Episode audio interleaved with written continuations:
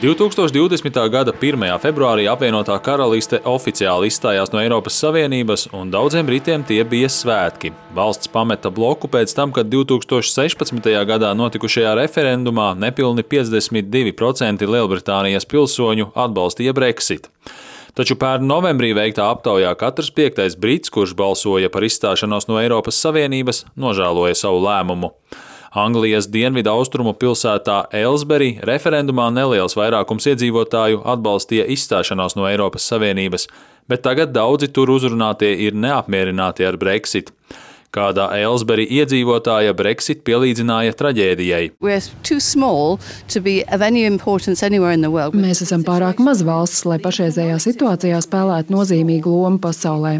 Ekonomiskā situācija, kurā mēs atrodamies pašlaik, ir Brexit rezultāts. Viņai piekrita arī kāds vīrietis. And, uh... Mums vajadzēja palikt kopā ar Eiropu. Tad mums nebūtu visas šīs problēmas ar tirdzniecību un tā tālāk. Mans personīgais viedoklis ir tāds, ka tas nav nesis neko labu.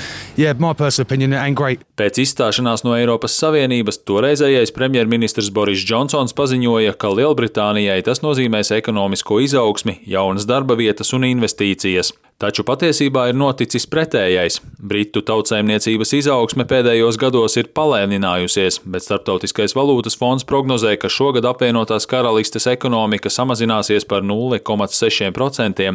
Tirdzniecībā ar galveno eksporta tirgu Eiropas Savienību ir samazinājusies pieaugušās birokrātijas dēļ, savukārt importētās preces ir kļuvušas ievērojami dārgākas. Analītiķi lēš, ka Brexit dēļ Lielbritānijā ir par 330 tūkstošiem mazāk strādājošo strādājošo. Darba spēka trūkumu jo īpaši izjūt transporta, viesmīlības un mazumtirdzniecības uzņēmumi.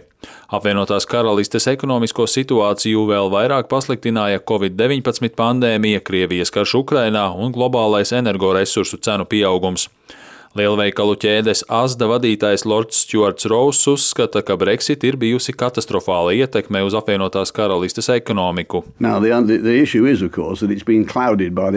Tagad, protams, lieta ir tāda, ka to ir aizēnojuši citi notikumi. To ir aizēnojis karš Ukrainā, to ir aizēnojusi globālā lejupslīde, to ir aizēnojis Covid, tāpēc neviens īsti nezina, kāda ir Brexit patiesā ietekme.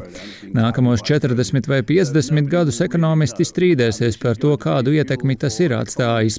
Mēs to nekad neuzzināsim, bet ticiet man, es to jūtu, mēs esam cietuši. Manuprāt, mēs esam vienīgā G7 un iespējams arī G20 ekonomika, kas faktiski vēl nav atguvusies līdz līmenim pirms Covid. Tas par kaut ko liecina. Arī Londonas ekonomikas skolas ekonomiste Anna Valero norādīja, ka pēc pandēmijas Lielbritānijas ekonomika ir atgūsies daudz lēnāk nekā citas līdzīgas milzīga izmēra ekonomikas.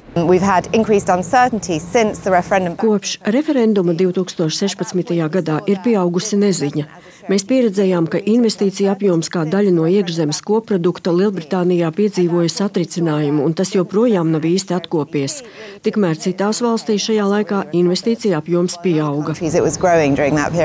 Neraugoties uz rūktajām Brexit sekām, Lielbritānijas premjerministrs Rišis Sunaks joprojām uzskata, ka izstāšanās no Eiropas Savienības var sniegt milzīgas iespējas, piemēram, noslēdzot izdevīgas tirdzniecības vienošanās ar citām valstīm un reformējot finanšu pakalpojumu regulējumu, lai no tā labumu gūtu Londonas Citijas bankas. Uldis Česberis, Latvijas radio.